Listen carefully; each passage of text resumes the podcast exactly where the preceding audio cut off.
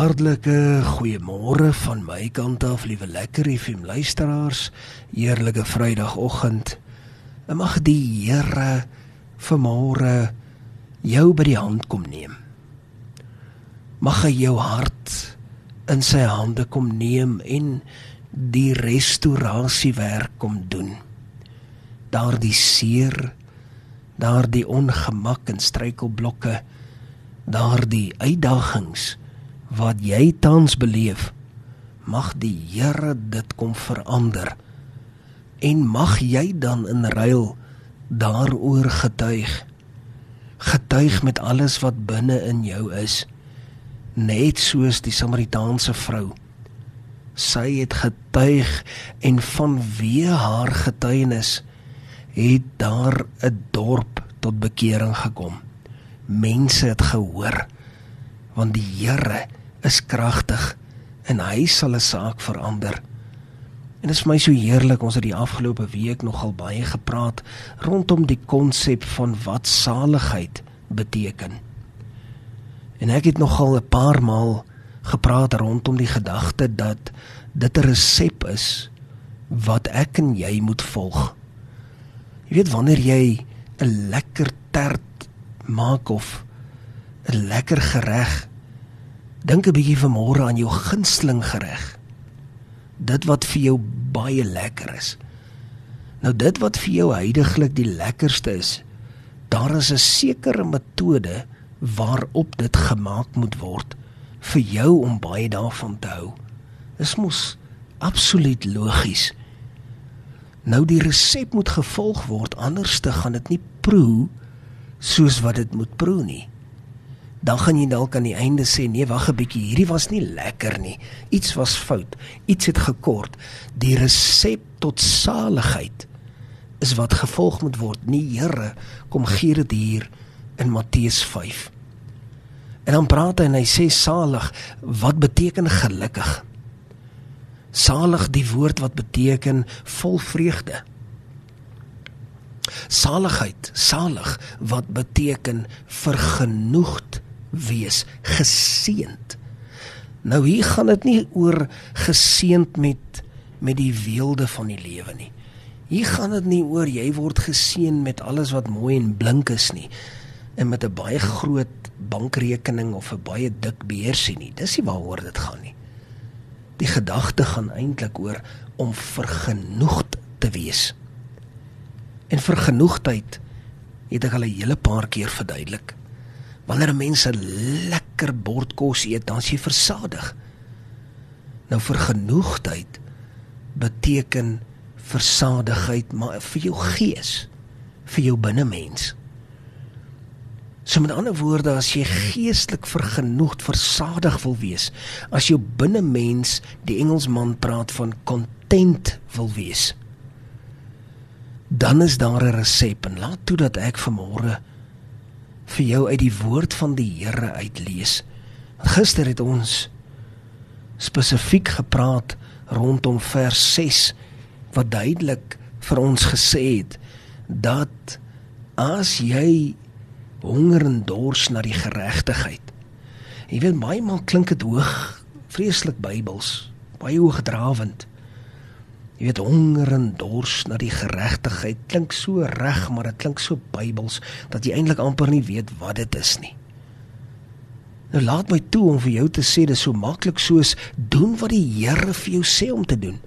Honger en dors streef daarna met alles binne in jou om te doen wat die Here vir jou gee om te doen.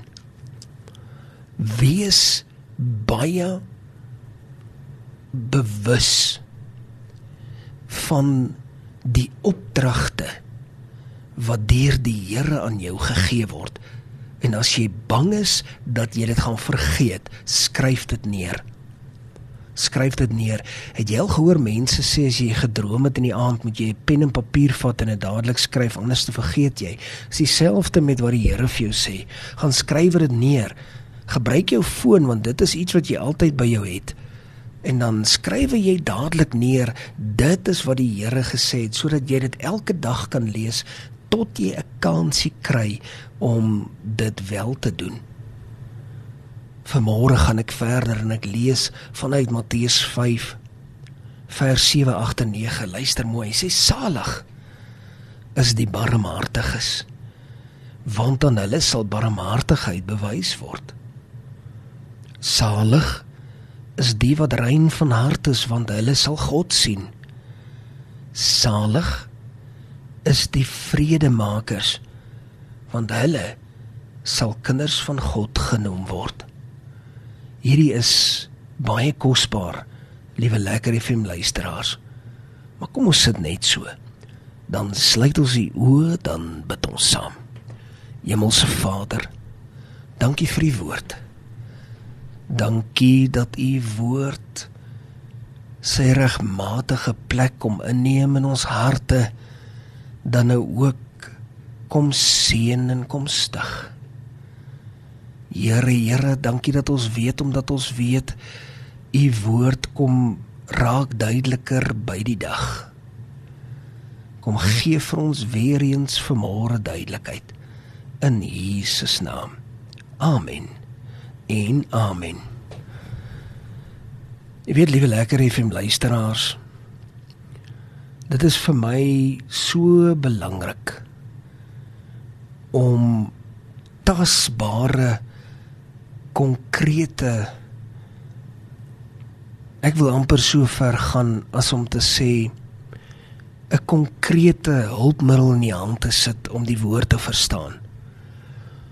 En dit is vir my belangrik dat ons die die begrip en die die resep van om vergenoegd en geseënd en gelukkig te wees werklik mooi te verstaan. Maar niemand het ooit gesê dit gaan maklik wees nie. Baie maal as ons so uit die woord uit lees, dan dink ons dan klink dit maklik genoeg. Maar niemand gaan vandag vir jou sê, veral nie ek nie, dat iets maklik is nie dit is nie maklik nie. Maar ons moet hard daaraan werk. Onthou as jy jou resep volg vir daardie gunsteling dis wat jy maak, hoe meer voorbereiding jy insit, hoe heerliker is die uitkoms. En dis dieselfde met hierdie saak. Hoe meer jy daaraan werk, al is dit moeilik, al vat dit lank, jy sal steeds baie seën ervaar want dit is eenmaal hoe dit werk. Daar is nie 'n ander manier nie. En spesifiek hier in vers 7 sê hy vergenoegd, gelukkig, vreugde sal jy geseënd is almal wat regtig vir ander mense omgee. Hoor mooi wat sê hy, salig is die barmhartiges. Barmhartigheid beteken jy gee om jy het 'n omgehaar. Die Here beloon dit. Hy sê geseën sal jy wees, gelukkig sal jy wees, vergenoegd, tevrede, versadig sal jy wees as jy regtig vir ander mense omgee. En die Here sal binnekort vir hulle wys hoeveel hy vir hulle omgee. Daar is so baie behoeftes daar buite. Liewe lekker FM luisteraars. Ons as lekker FM sien dit daagliks. Ek werk ook met dit. Elke dag van my lewe. Daar is baie behoeftes daar buite. Daar is baie nood en seer. Baie verwerping. Abnormale hoeveelheid ongeluk wat daar buite is. En ons lewe ook nie in 'n maklike land nie. Maar ons het die voorreg om te kan doen wat die Here vir ons vra. En as ons werklik waar geestelik vervuld wil wees, vir genoegdheid wil hê, dan moet jy vandag 'n besluit maak om vir mense om te gee.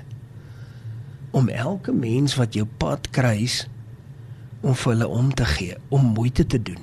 En ek weet in 'n besige wêreld is dit nie maklik nie wanneer jy so moet rondhardloop links en regs en daar dalk mense is wat jou baie seer gemaak het, is dit nie maklik nie.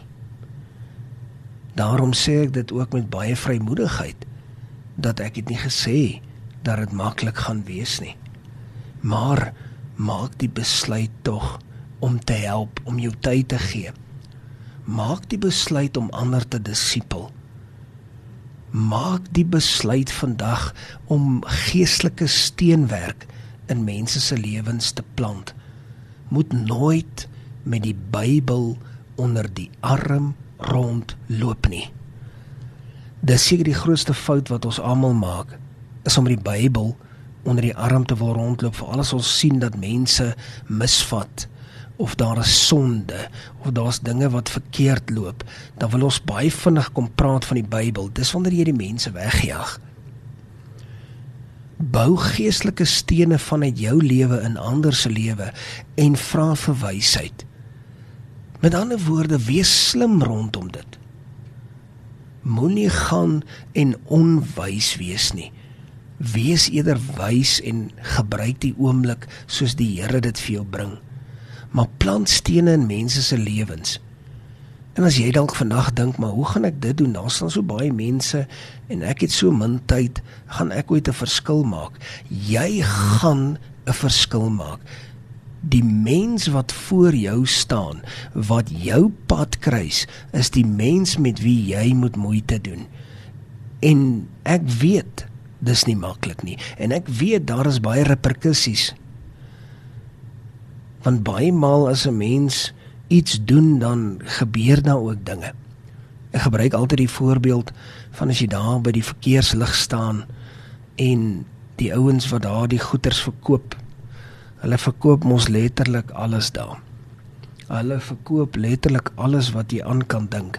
En die oomblik as jy oogkontak maak met een van hulle dan kom hulle juis na jou toe. So met ander woorde, jy's baie maal op 'n plek waar jy nie wil oogkontak maak nie. Net so gebeur dit dat jy baie maal op 'n plek is waar jy eerder nie wil moeite doen nie, want die oomblik as jy moeite doen, dan gaan dit die heeltyd aanhou. Ongelukkig is dit nie maklik nie.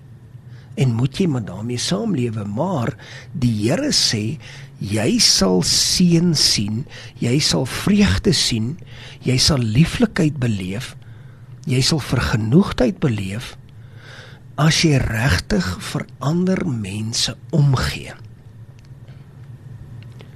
So die vraag is gee vir ander om. Elke mens wat jou pad kruis, gee vir hulle om.